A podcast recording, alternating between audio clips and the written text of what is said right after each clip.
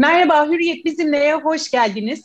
Bugünkü konuğum iş insanı Ebru Dorman. En son çıkardığı kitapla hemen göstereyim. Hayallerin ötesinde yaşamak hayli gündemde. Kitabın yazılış sürecini ve hayallerini ve iş insanı özellikle kadınların iş hayatındaki rolünü belki onunla bugün masaya yatıracağız. Ebru Hanım hoş geldiniz. Hoş bulduk Fulya Hanım. Nasılsınız? İyiyim çok mersi siz. Hepimiz virüsle uğraşıyoruz. Siz nasılsınız asıl? Ben de iyiyim çok şükür. Şu anda sağlığımız yerinde şükrediyoruz. Harika. Şimdi ben aslında bugün sizle kitabı konuşmak istiyorum. Yenice de yazarsınız ama çok da başarılı bir iş insanısınız. Dünyadaki o dev şirketlerin başındaki 50 yönetici özellikle de belki kadın kategorisinde daha da o kategori daralabilir birisiniz. Nasıl başladı süreç? Yani biraz sizi tanıyabilir miyiz? Hayatınızı anlatabilir misiniz? Kitaba gelene kadar neler yaptınız? Tabii. Aslında kitabın da ilk kısmında sizin de okuduğunuz gibi biraz hayat hikayemi paylaşıyorum. Evet. Evet, doğru. Arka kapağında da bahsettiğimiz gibi mahalle ilkokulundan e, Harvard'a uzanan bir eğitim yolculuğum var. İlham veren bir eğitim yolculuğu. İlkokuldan sonra e, sınavlarla girdiğim Nişantaşı Anadolu Lisesi'nden birincilikle mezun oldum. Ardından Boğaziçi Üniversitesi Endüstri Mühendisliğinden yine birincilikle mezun olup e, TÜBİTAK NATO Bilim Bursu'yla e, Amerika'ya gittim. E, ilkten doktora programına yazıldım. E, Kaliforniya Berkeley Üniversitesi'nde. E, fakat bir iş teklifi alıp da e, master'ını al gel bizimle çalış diye hem McKinsey'den hem Amerika'da bir başka danışmanlık şirketinden teklif aldığımda e, doktorumu bırakıp e, master'ımı alıp Türkiye'ye geri döndüm. Sene 95. İlk çalıştığım yer dünyaca ünlü danışmanlık şirketi McKinsey. O sırada daha İstanbul'daki ofis yeni kuruluyordu. İlk beş Türk danışmandan biriydim. E, çok şanslı bir e, ve öğretici bir süreçten sonra onların sponsorluğuyla e, bu kez Harvard'da MBA'mi yapmak üzere Amerika'ya geri gittim. E, iki senede Boston'da e, vakit geçirdikten sonra Londra'ya yerleştim. Toplam 11 yıl boyunca Londra'daydım.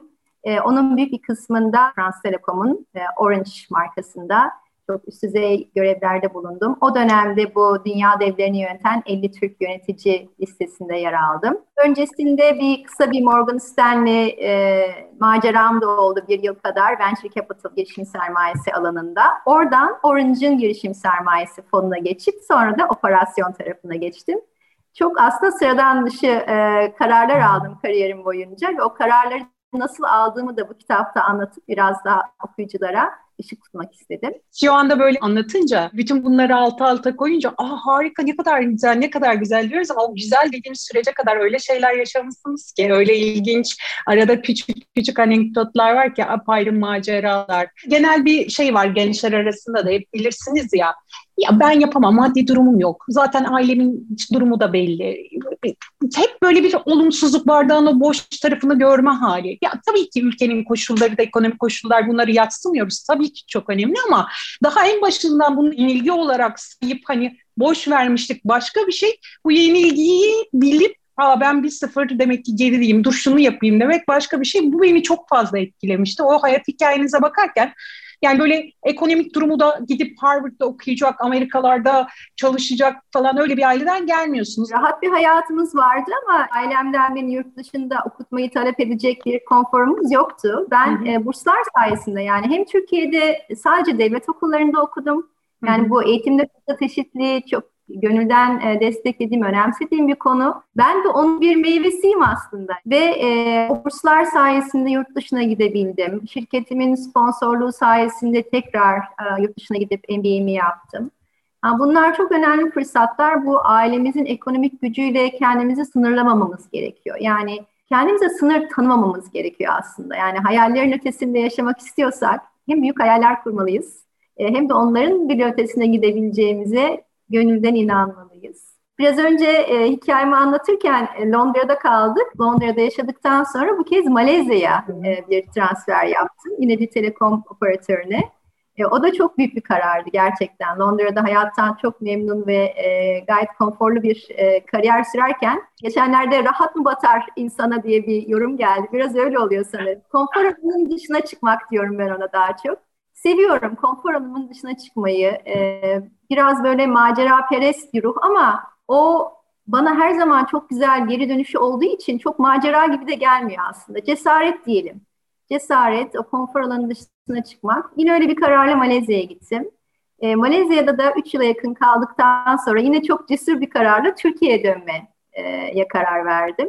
2013 senesinde e, buraya dönüp e, ben Acıbadem Sağlık Grubu'nda bir yıl çalıştım genel müdür vekili olarak. Ardından da Meyve Holding'e holding CEO'su olarak katıldım.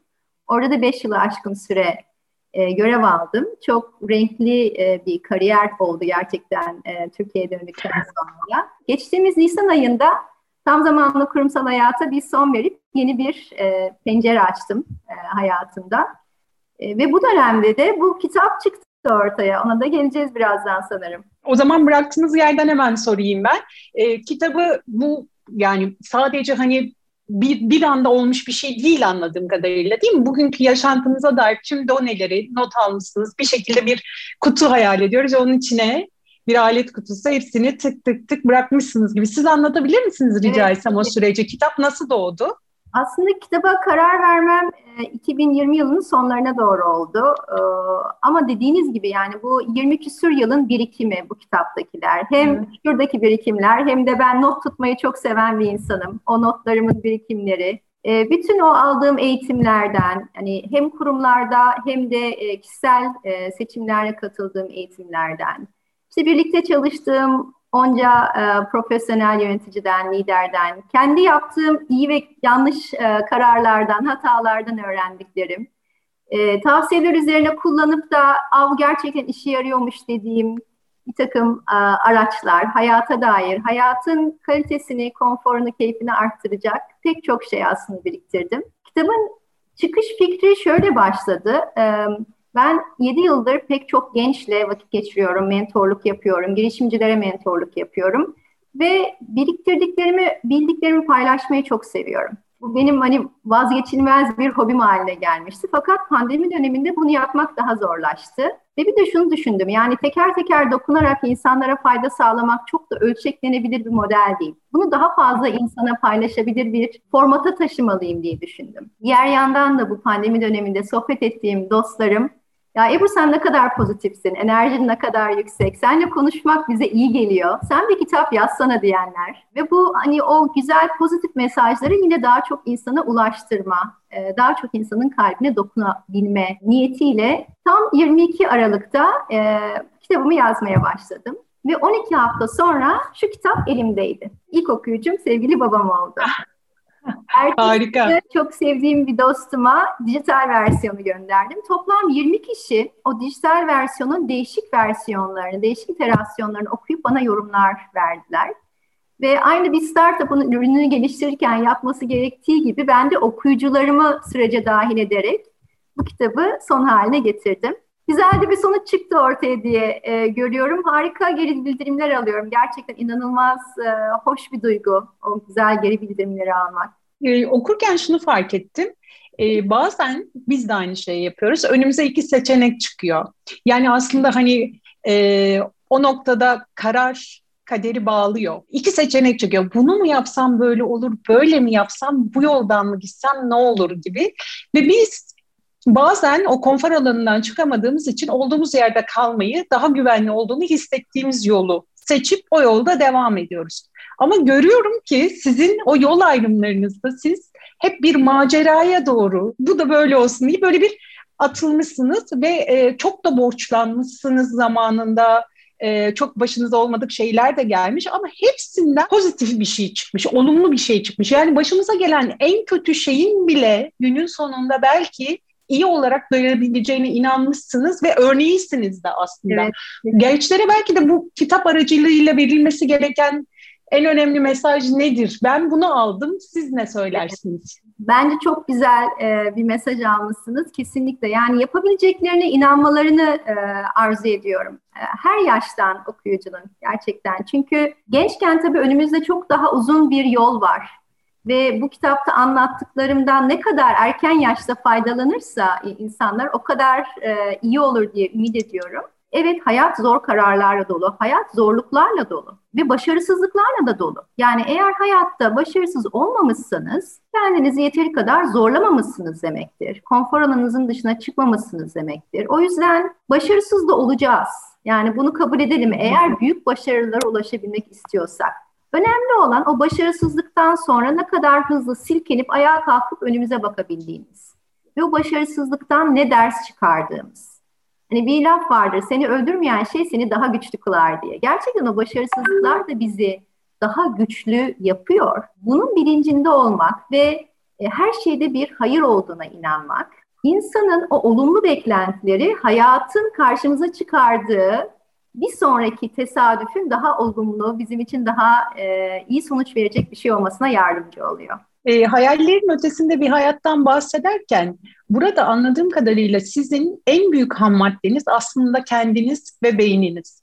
Daha e, açık sorayım çünkü şimdi e, eminim izleyecekler işte diyecekler ki hep pozitif şeylerden bahsetmiş. İşte ülke durumu böyle ekonomik şartlar böyle diyecekler. Biliyorum. İşte biz uğraşıyoruz ama olmuyor diyoruz ya sonunda. O yüzden daha açık sorayım. Herhangi bir torpiliniz ya da hani stajyer olmak istiyor arkadaşlar ya da herhangi bir e, insan aracılığıyla bir şirkete girip de oradan böyle bir hani çok kolaydı benim için hani yükseldim diyebileceğiniz bir şey oldu mu? Yoksa hepsini gerçekten siz mi başardınız? Hepsini ben başardım ama o yolculukta yardım istemekten hiç çekinmedim Fulya Hanım ve yine hı hı.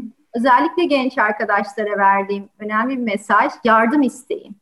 Yani insanımız e, hani bu insanoğlunun bir problemi bence yani bir kültüre özel bir bence de. E, yardım istemekten çekiniyor.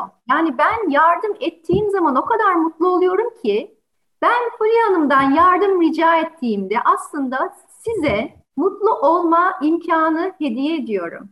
Dolayısıyla yardım istemek çok güzel bir şey, bir hediye. Karşınızdaki eğer yardım edebilirse mutlu olacak. Yardım edemezse de samimi bir şekilde neden edemediğini söyler veya edemiyorum der biter. Bunu da olgunlukla karşılamak da aslında hani e, bu yardım etme, isteme pratiğinde e, geliştirilmesi gereken bir kas. Yani her zaman her istediğimiz yardımı da elde edeceğiz diye bir şey de yok. Ama hayırdan, yapamamdan da çekinmemek gerekiyor. Daha çok insandan yardım isteyebilmek için de network'ümüzü çok zenginleştirmemiz gerekiyor. Yani bu e, her her yaştan e, insan için bence geçerli. Yani e, bir gün bir sağlık probleminiz olur. O konuyla ilgili danışabileceğiniz bir insanı tanıyor olmanız sizin hayatınızda çok önemli bir fark yaratır. Kariyerin ortasında bir insan olursunuz. O girişime yola çıkarken e, yardım isteyebileceğiniz network'ünüzün zengin olması işinize yarar. Veya işte okuldan yeni mezun olmuş bir genç olabilirsiniz. İlk stajınızı ayarlamak için yardım isteyeceğiniz insanların network'ünüzün zengin olması. Yani bunu ben torpil olarak görmüyorum. Birinden yardım isteme becerisini göstermek de diğer adaya karşı sizi ayrıştıran bir özellik, bir marifet. Şirkete girdiniz, o şirkette bir iş yapıyorsunuz. O işi daha iyi yapabilmek için de birilerinden yardım istemeniz gerekiyor. Çevrenizi kullanmanız gerekiyor. Eğer sizin öyle bir çevreniz varsa ve onu kullanmayı biliyorsanız işinizi yaparken de daha başarılı olacaksınız. Dolayısıyla ben bu yani torpil kesinlikle değil ama yardım istemek, en azından o fırsatların önünüze çıkmasını kolaylaştırmak e, gayet doğal ve yapılması gereken bir şey diye düşünüyorum. Ya çok ilginç bir şey, bir anekdotum var. Bunu anlatmadan geçmek istemiyorum. Çok haklısınız. Aslında soruyu sorarken de bilerek ve kendimi düşünerek de sormuştum. Mesleğe ilk başladığım yıllarda, 20. yılım benim de, ilk başladığım yıllarda hiç tanımadığım bir meslek büyüğüne, asla ilişkimin olmadığı bir meslek büyüğüne bir e-mail atıp e, ben şu şu şu şuyum burada staj yapmak istiyorum yardımlarınızı rica ediyorum diye bir e-mail yazmıştım ve kendisi Çiğdem Anat e, şu an o da İngiltere'de buradan selam olsun e, ve inanılmaz olumlu bir cevap almıştım ve onun sayesinde de ilk stajıma öyle başlamıştım. Yani eğer hiçbir zaman sormazsan tanıdığın ya da tanımadığın hiçbir zaman neyle sonuçlanacağını bilemezsin çünkü hiçbir zaman sormamış olursun. O noktada çok kıymetli buluyorum sizin yapmış olduğunuz bu çalışmaları ve çabayı. Bunu da söylemeden geçmek istemedim.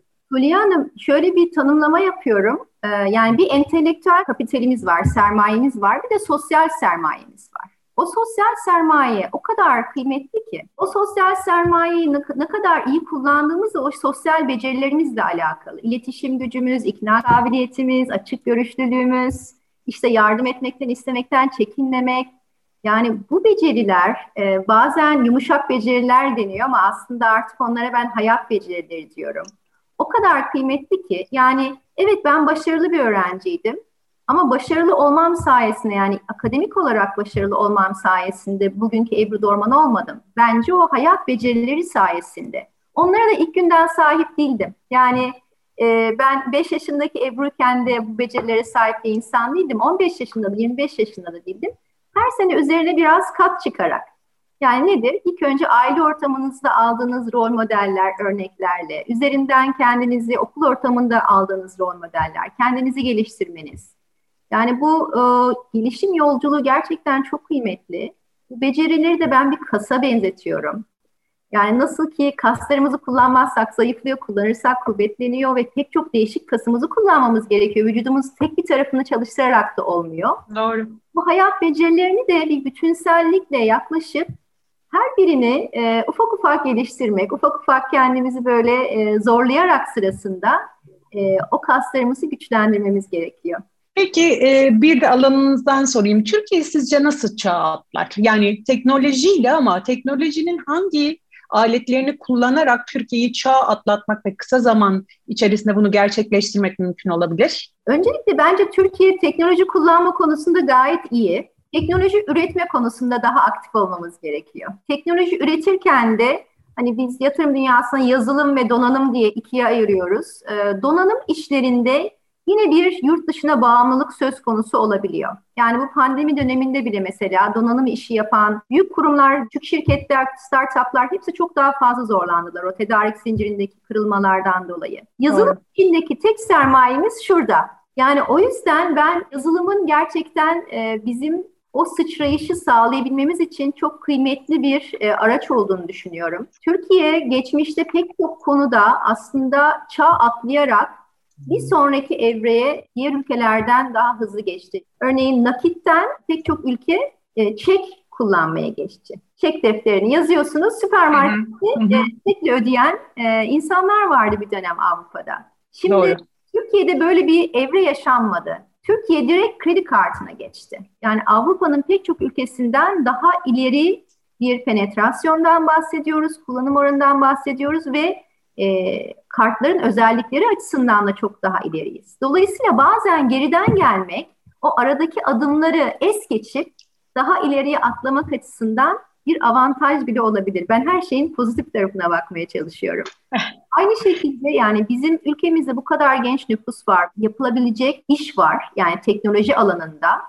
Dolayısıyla bu teknoloji alanındaki eğitimlerin ve ileri aşama eğitimlerin daha çok desteklenmesi ki pek çok program var. Yani hem devlet tarafından hem özel kurumlar tarafından desteklenen startuplar, sosyal girişimler tarafından da e, desteklenen. Hı hı. E, bunların çok kıymetli olduğunu düşünüyorum. Hani biz e, hem Türkiye'de teknolojiyi daha çok kullanalım evet ama daha çok üretelim ve dünyaya ihraç edelim. Ham maddesi burada. Dolayısıyla en karlı e, ihracat kalemimiz olabilir yazılım. Aslında son sorum bu ama ikiye bölerek kullanmak istiyorum hakkımı çünkü sizi bulmuşken. Birincisi kitabın tüm geliri anladığım kadarıyla Darüşşafaka'ya. Yani eğitimde en başında fırsat eşitliğinden bahsettiğiniz bence bu alınmış e, muhteşem kararlardan bir tanesi de neden Darüşşafaka diye sorayım. İkincisi hayallerin ötesinde bir hayat yaşamak isteyen gençlere üç tavsiyeniz lütfen bunları yapmayı asla unutmayın diyeceğiniz ne olur? E, Darüşşafaka çünkü e, aslında bu yolculuk çok genç yaşta başlıyor. Yani başarının temelleri çok genç yaşta atılıyor. Ve e, o aile ortamına sahip olmayan e, gençlerin de iyi bir eğitim fırsatına sahip olabilmesi için Darüşşafaka gerçekten e, çok önemli bir misyon üstleniyor. Gençlere üç tavsiyem, hiç böyle üç diye hazır bir listem yok. Doğaçlama. En önemli diyelim o zaman, şey yapmayalım illa. Yani birincisi kendilerine inanmaları. Tabii ki e, ortam bizim işimizi kolaylaştırabilir veya zorlaştırabilir, dış faktörler. Fakat sonucu belirleyecek olan bizim zihin yapımız. Eğer biz bir şeyi ya ben bunlara rağmen bunu başarabilirim diye inanıyorsak en azından başarma şansımız olur. Yani başaramam diye baştan karar verirseniz zaten denemeyeceksiniz bile. Yani kendiniz onu yapamayacağınıza karar veriyorsunuz ve haklı çıkıyorsunuz. Dolayısıyla en azından e, ben bunu başarabilirim inancıyla çaba sarf etmek, çaba sarf etmeden hiçbir şey olmuyor. Ustalık da emek gerektiriyor. O ustalığa giden yolculukta düşüp kalkmalar olacak, başarısızlıklar olacak. Yani Edison'ın bir sözünü paylaşıyorum. Elektriği bulana kadar 10 bin deney yapıyor ve neden pes etmedin diyorlar. Ben e, başarısız olmadım ben 10 bin tane çalışmayan yöntem buldum diyor. Yani bu olmadı bir başka bir şey deneyelim. Tek bir yolda da saplanıp kalmayalım. E, açık görüşlü olalım. Bu birincisi diyelim. İkincisi öğrenme merakı. Tabii ki e, pek çok şey öğreniyoruz okul ortamında ama hayatın ömür boyu bir öğrencisi olmak lazım diye düşünüyorum. Yani ben hala her gün bugün ne öğreneceğim diye heyecanlanan bir insanım. Hani bir yandan öğrendiklerimi paylaşırken bir yandan da aslında ben bugün ne öğrendim diye kendime soruyorum.